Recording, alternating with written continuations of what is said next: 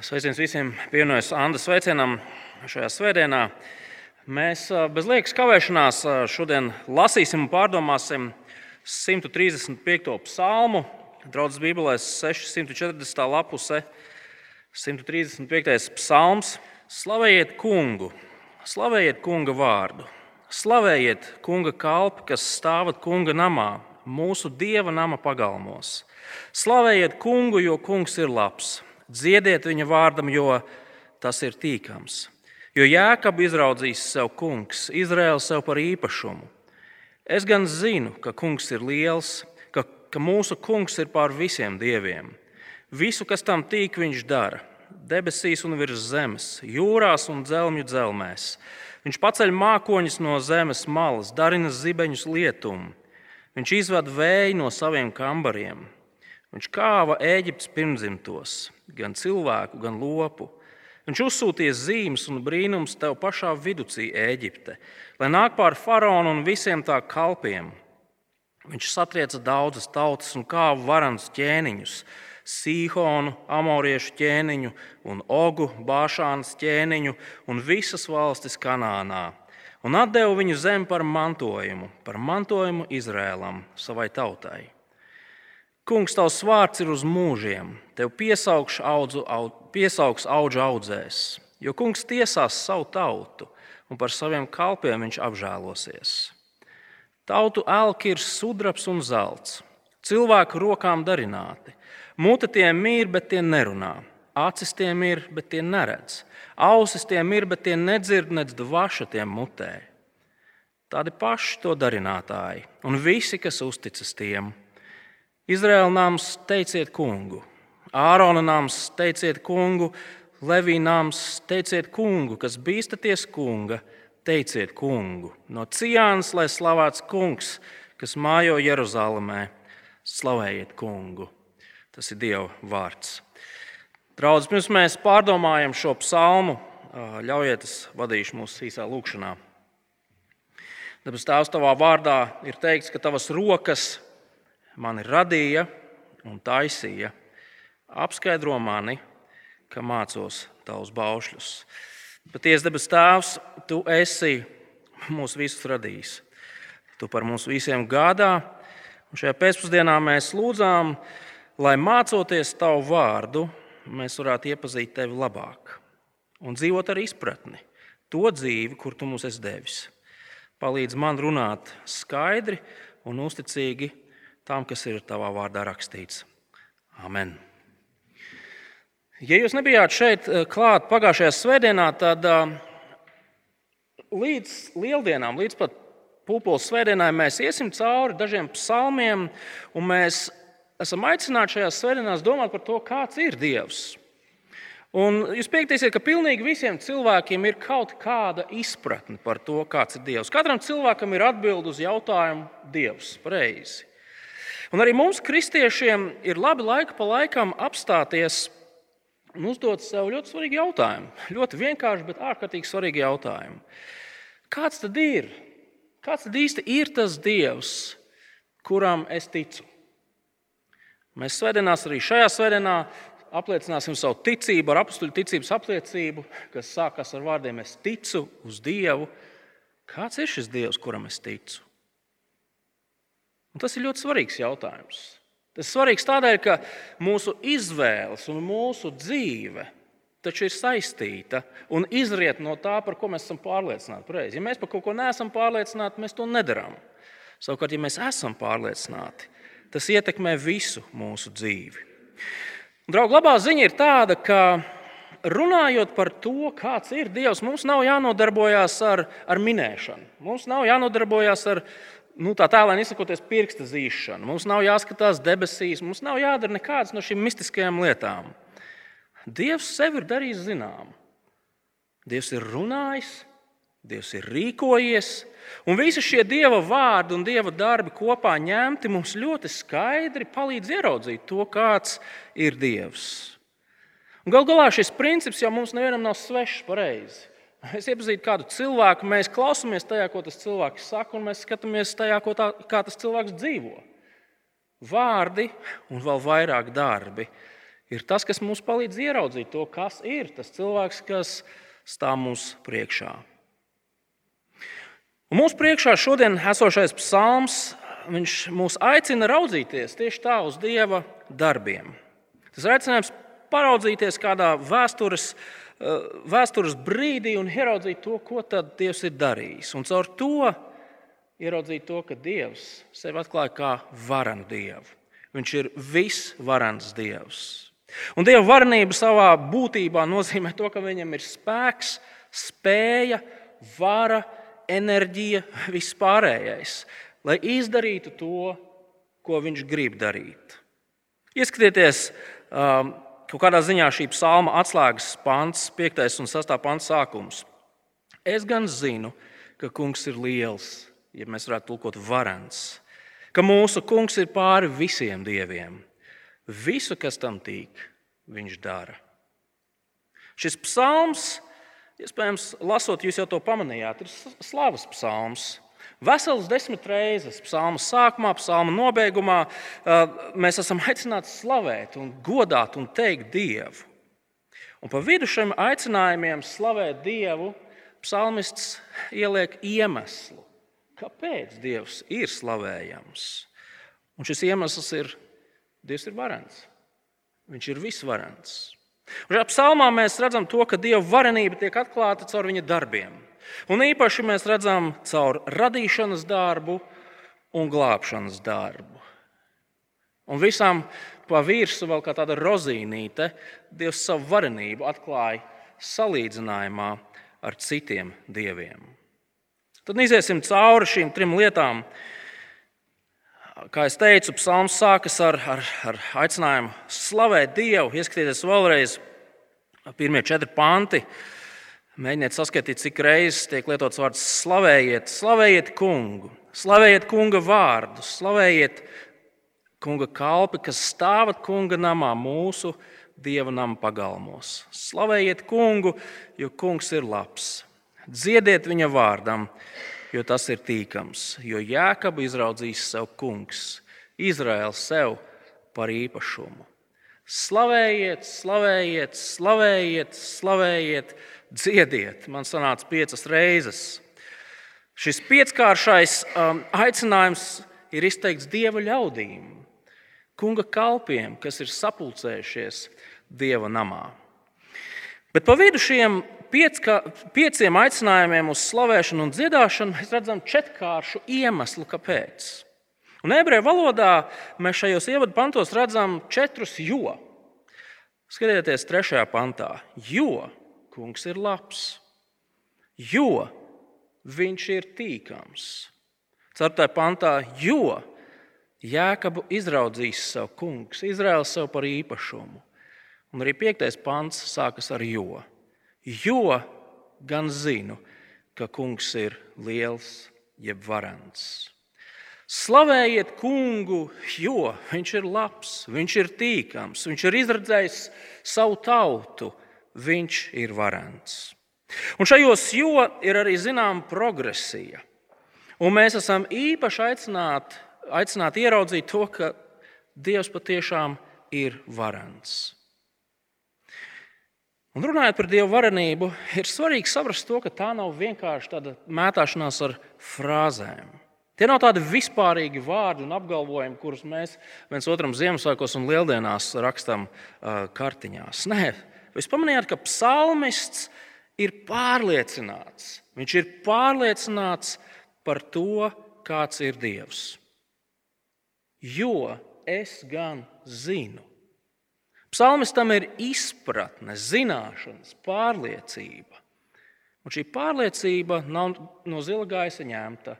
Tā balstās reālos, reālos vēstures notikumos, kurus Dievs pavisam reāli ir darījis. Pirmkārt, pirmais lielais notikums, jeb darbs, ko Dievs ir īstenojis šajā vēsturē, ir radīšanas darbs. Ieskatieties no 5. līdz 7. pantām. Jo es gan zinu, ka kungs ir liels, ka mūsu kungs ir pār visiem dieviem. Visu, kas tam tīk, viņš dara debesīs un virs zemes, jūrās un dzelmju dzīvēs.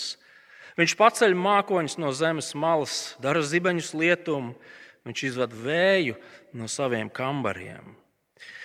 Draugi, mēs esam aicināti ieraudzīt to, ka visa radība ir tieši tāda, kādu Dievs ir vēlējies to radīt.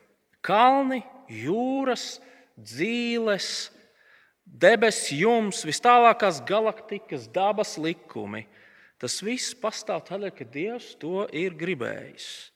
Mēs esam tādi, kādi mēs esam, ar divām kājām, divām rokām, divām ausīm, nevis kaut kā citādāk, tādēļ, ka Dievs tā ir gribējis. Dievs ir kā tāds milzīgs arhitekts, inženieris un celtnieks, visi trīs vienā personā. Viņa plāns ir perfekti pilnīgs. Tas ir tieši tāds, kādu Dievs ir gribējis. Turklāt padomājiet, kā Dievs ir radījis visu to, kas ir. Iedomājieties, bija laiks, kad laika nebija. Bija laiks, kad nekas nebija. Vienīgais, kas bija pirms laika, telpas, enerģijas, visa pārējā, bija Dievs. Nebija visuma, nebija galaktikas, nebija molekulas, nebija vulkāni, nebija cilvēki, nebija eņģeļi. Nekā nebija. Un tad neviena nepiespiests, neviena neizaicināts, neviena nepierunāts, nekādas vajadzības spiests, Dievs teica, lai top. Un tāpa gaisma, tāpa debesis, un zeme un jūras, tāpa planētas, zvaigznes, mēnesis, tāpa augi, zvēri, putni, zivis, cilvēki. Un jo vairāk mēs domājam par šo, jo vairāk mēs ieraugām, cik tas ir neiedomājami milzīgs spēks, kas to visu ir radījis. Nav nekas, un pēkšņi ir viskaut kas. Un Dievam tas nebija jāsaka divas reizes. Viņš teica, lai top un tapa. Vecāki, vai jūs negribētu tādu spēku? Jūs pasakat vienu reizi, un viss notiek. Manuprāt, gulētiešanas laiks un, un, un, un skolas rīta varētu būt tīrā bauda pareizi. Vismaz mūsu mājās, dažās reizēs, pavisam noteikti. Šī pasaule ir skaista, tā ir pārdomāta, tā ir sakārtota. No vislielākā debesu ķermeņa līdz vissīkākajai molekulai tas viss pastāv tādēļ, ka Dievs tā ir gribējis. Šajā pasaulē nav nekādu nejaušību, nekādu pārsteigumu. Nekā tāda, ko Dievs nebūtu gribējis, vai kas viņu ir, viņu ir kaut kā pārsteidzis, nesagatavot. Absolūti nē. Protams, to sakot, um, es pieņemu, ka mums prātā nekavējoties var nākt vairākas lietas, uh, kuru eksistenci mēs neizprotam. Uh, nu, tas pats kuriozais jautājums par to, kāpēc ir rots. Es nerunāju par tādām triviālām lietām. Bet mēs raugamies uz šo visumu un visu, kas tajā notiek, un mums bieži vien ir jautājums, kāpēc? Kāpēc? Un lai arī cilvēki, mēs kā cilvēki varam izzināt šo pasauli, mēs varam izpētīt to, kā tā darbojas, Būs reizes, kad vienīgā atbilde būs uz mūsu jautājumu, kāpēc, būs, būs tāpēc. Tāpēc, ka visvarenais Dievs tā ir gribējis. Jo vairāk mēs domājam par, par šo radošo spēku, kas raksturo Dievu, kas atrodas aiz visa, ko mēs ar savām maņām varam uztvert, aiz visa, ko varam izpētīt, ko varam aprakstīt, ko varam izskaidrot. Jo vairāk mēs par to domājam, jo lielāka ir jābūt mūsu bijībai. Šāda varenība tā nav triviāla. Tā nav nekāds joks. Tā ir reāli biedējoša. Pret to nevar attiekties viegliprātīgi, to nevar ignorēt.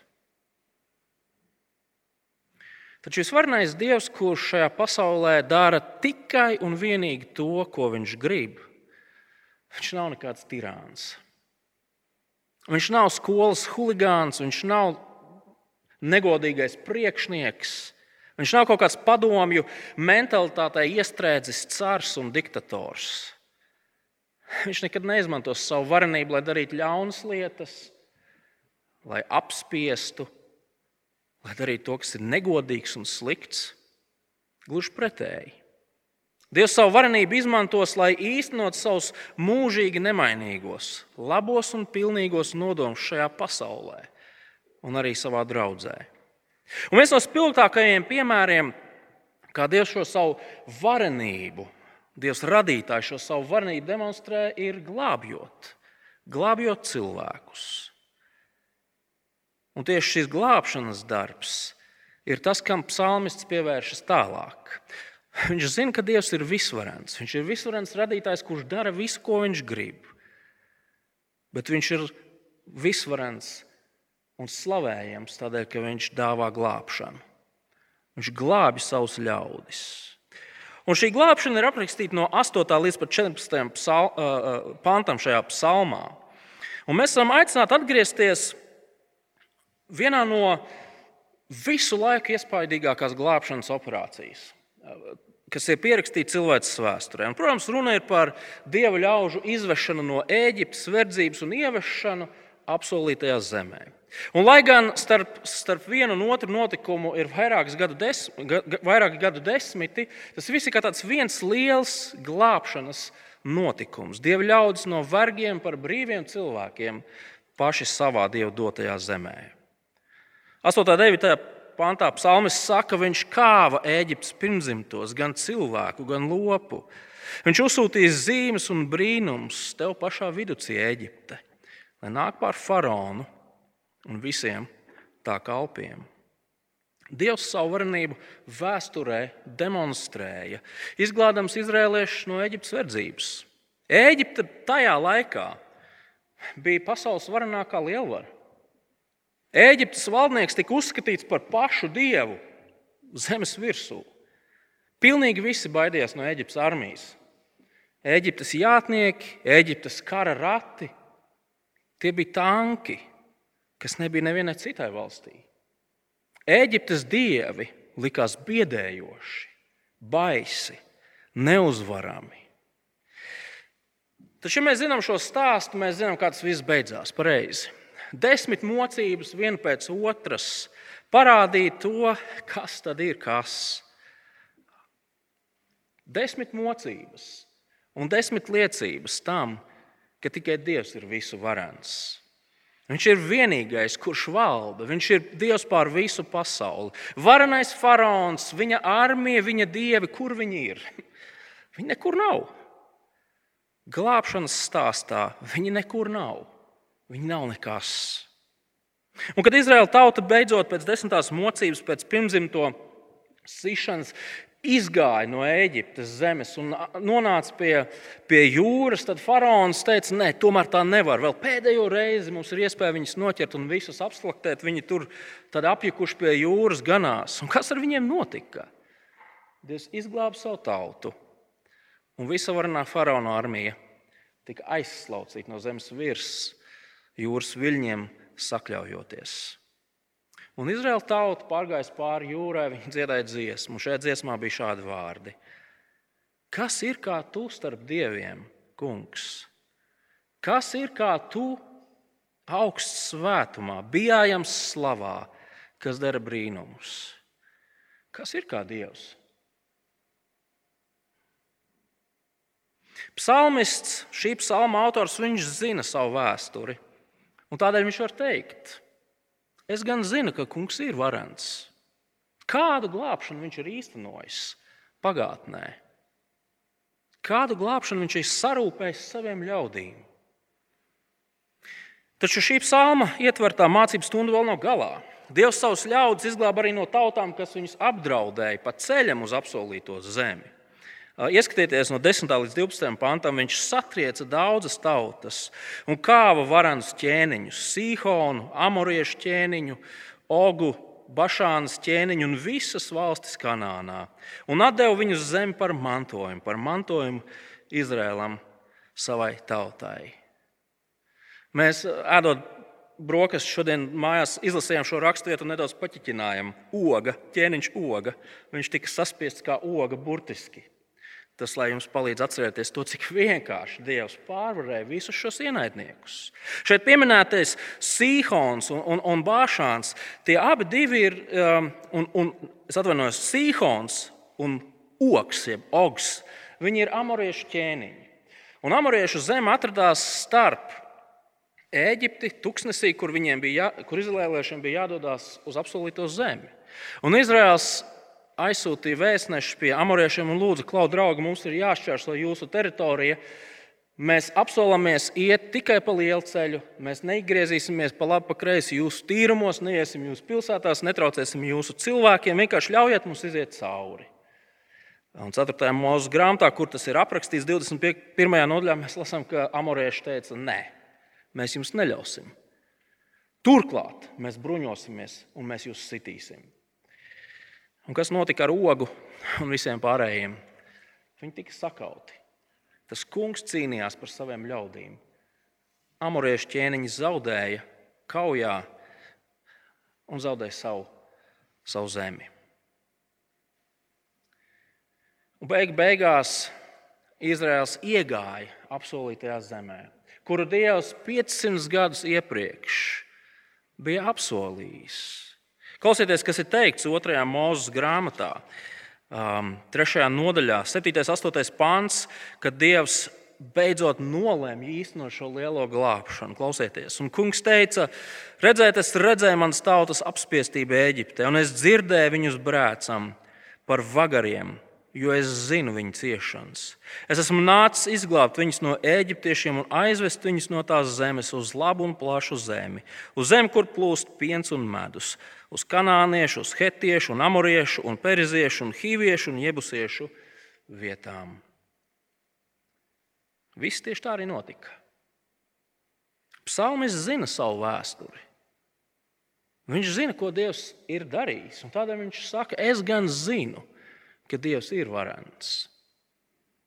Dievs savu varenību ir demonstrējis cilvēku vēsturē. Viņš ir izdarījis visu to, ko viņš ir solījis. Viņš vienmēr dara to, ko vēlas. Un viņš vēlas glābt cilvēkus, kurus viņš ir izredzējis. Viņš vēlas cilvēkiem dāvāt žēlastību, nepelnīt žēlastību. Kas viņu apturēs? Faraons, Oks, Sīhons, Kas viņam traucēs īstenot viņa nodomus? Kas izjauks viņa plānus? 13. un 14. pāns. Kungs, tavs vārds ir uz mūžiem, un tev piesaugs audzēs. Jo kungs tiesās savu tautu un par saviem kalpiem viņš apžēlosies. Dievs savu varenību šajā pasaulē pierāda caur saviem darbiem, caur radīšanu, caur savu cilvēku glābšanu Kas var teikt, kas tam visam sakars ar mums mūsdienās? Tā ir tāda jauka vēsture, no kuras var mācīties jūdi. Bet tas nav jūdu dievs. Jā, patiesi mēs esam runājuši par Dievu visvarenību un viņa darbiem, kas ir īstenot senā pagātnē. Taču šī pati glābšana ir īstenot arī netik senā pagātnē, pirms 2000 gadiem. Dieva visvarnība ir redzama tajā, kā Dievs ir glābis un gādājis par saviem ļaudīm vecajā darbā. Taču tas, kas notika ar Izraēlu vecajā darbā, ir kā tāda, kā, tāds, kā tāda filmas reklāmiņa, kā tāds trailerīts, kā tāds, ir tāds vārds kaceklis. Kaut kur es dzirdēju, ka tās lietas sauc arī par kacekļiem. Uh, tam, ko Dievs vēl īstenos vēsturē. Un patiesi šis visvarenais Dievs ienāca cilvēks vēsturē, cilvēka veidolā, Jēzus Kristus veidolā. Viņš mira pie krusta, tādēļ samaksājot par cilvēku grēkiem, dāvājot attaisnošanu, atdošanu ikvienam, kurš tverās, kurš tic šim Kristum. Tieši tāpat kā Izraels tika sendienās izglābts no Ēģiptes verdzības, Dievs caur Kristu cilvēku izglābj no daudz lielākas verdzības, kas cilvēku šķir ne tikai no apsolītās zemes, tādā materiālā veidā, bet no attiecībām ar Dievu un mūžīgās dzīvības. Jēzus milzīgā varenībā cilvēku izglābj no grēka un no nāves varas, no taisnīgā Dieva soda. Ieklausieties, ko apelsīns Pāvils vēsturē kolosiešiem 1. nodaļā, 13. līdz 15. pantam raksta, mēs pateicamies Tēvam, kas mūs izrāva no tumsas svaras un ieveda savu mīļotā dēla valstībā. Viņa, proti, šī mīļotā dēla dēļ, Dievs mūs ir atbrīvojis un mūsu grēkus piedevis. Viņš, proti, šis dēls, Jēzus, ir neredzamā dieva attēls. Jēzus ir neredzamā, visvarenā dieva attēls. Draugi, psalmis zināja savu vēsturi. Viņš, viņš varēja slavēt Dievu, tāpēc ka viņš zina, kā Dievs ir darbojies viņa tautas labā. Un arī mēs esam aicināti zināt savu vēsturi. Kristus ir reāla vēsturiska persona. Viņa nav pie krusta un augšām celšanās ir reāli vēsturiski notikumi. Tā nav nekāda alegorija. Tas nav jāuztver simboliski vai kaut kā mistiski. Tā nav leģenda, tas nav mīts. Tā ir reāla dievienākšana cilvēces vēsturē, lai cilvēkiem dāvātu iespaidīgu glābšanu, reālu drošību, mūžīgu dzīvību, nevīstošu cerību un mantojumu. Kāds ir tas Dievs, kuram mēs ticam? Mēs esam aicināti raudzīties uz Dievu, kurš ir radījis visu pasauli, uz Dievu, kurš ir glābis savus ļaudis vecajā darbā, uz Dievu, kurš ir glābis cilvēkus, nākdams, dzīvodams, mirdams, augšām celdamies.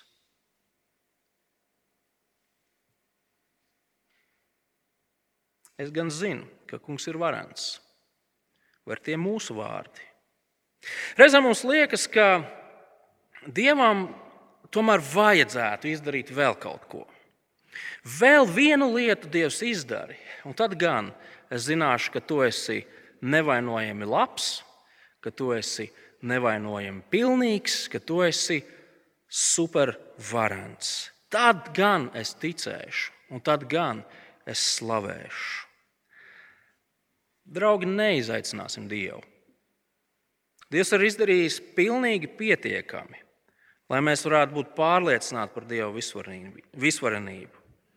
Viņš nevienam no mums neko nav parādā. Nopietni, viņam nekas mums nav jāpaskaidro. Taču pārsteidzošais ir tas, ka Dievs mums daudz ko paskaidro, daudz vairāk nekā mēs spējam saprast un aptvert. Un Dievs mūsu labā ir izdarījis ārkārtīgi daudz. Viņš mums parādījis tādu žēlastību, Gribētos laikam teikt, ka tiem, kas saka, ka tiem domātājiem, kas saka, ka cilvēks, kurš jautā pēc vēl vienas zīmes, patiesībā nav sapratis vislielāko un vissvarīgāko zīmi - Kristus krustu.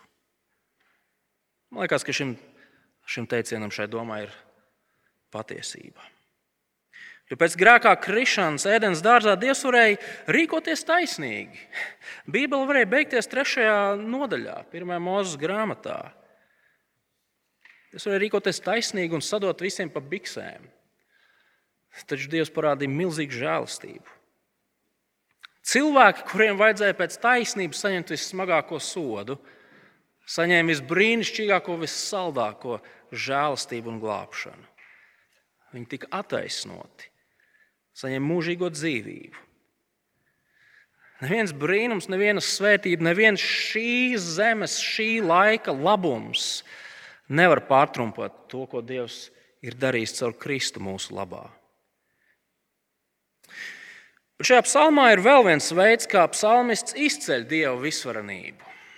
Ja reiz Dievs ir visvarants, tas nozīmē to, ka visi citi dievi, ja visas citas alternatīvas, kurām cilvēki varētu piešķirt kaut kādu jēgu, nozīmi, varenību, tas viss ir jāatmet.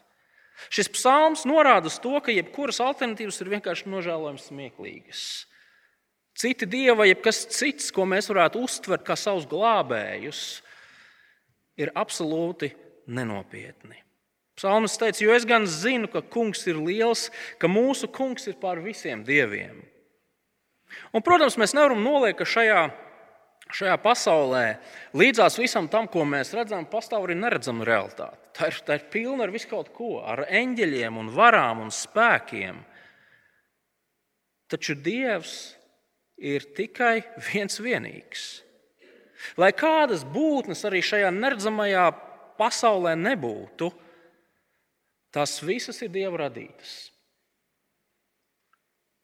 Mums reizēm liekas, ka Dievam ir konkurenti par, par pirmā spēlētāja godu. Tur Alāks, Krišna, Laima, Zevs, Eģiptiešu rā.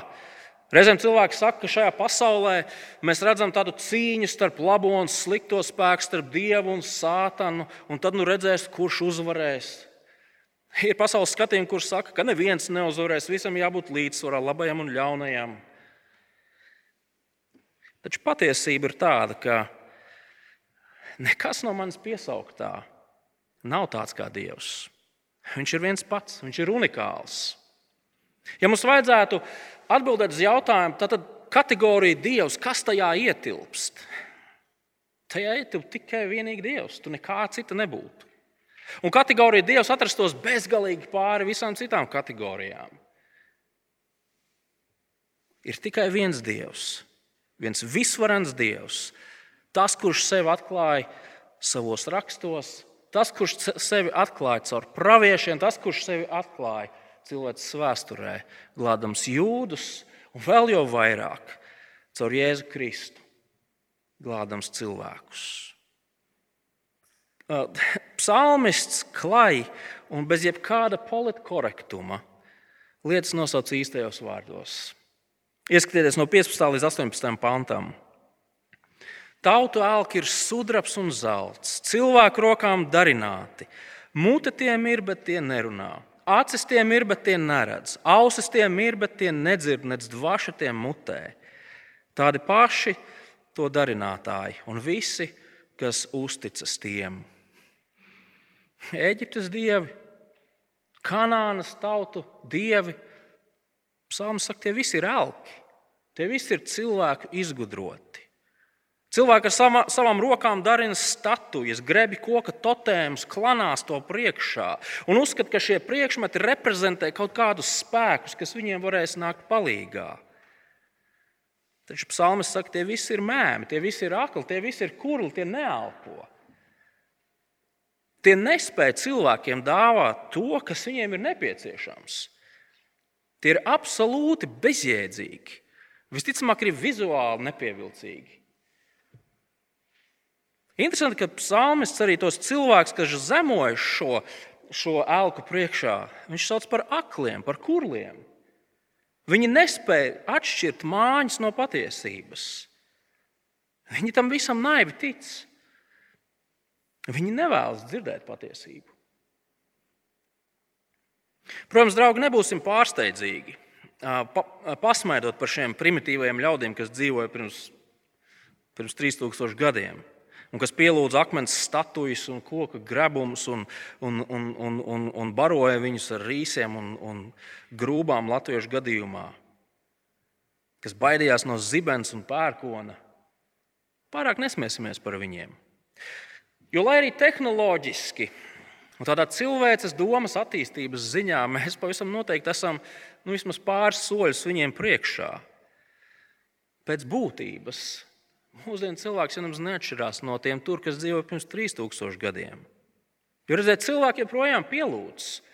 Cilvēki godā, cilvēki meklē drošību un glābiņu pie neskaitāma pulka dievu, kas, spēj, eh, kas nespēja runāt, dzirdēt, atbildēt, palīdzēt. Cilvēks ir radīts, lai kaut ko pielūgtu. Ikvienā cilvēkā ir ielikta šī nu, dieva dotā uh, dziņa kaut ko pielūgt, kaut ko lielāku, kam var kalpot, kur var, kur var rast jēgu, atbildes, drošību, cerību. Cerību, kas ir stiprāka par nāvi, mēs nevaram bez tā. Bet kas ir tas, ko cilvēki pielūdz?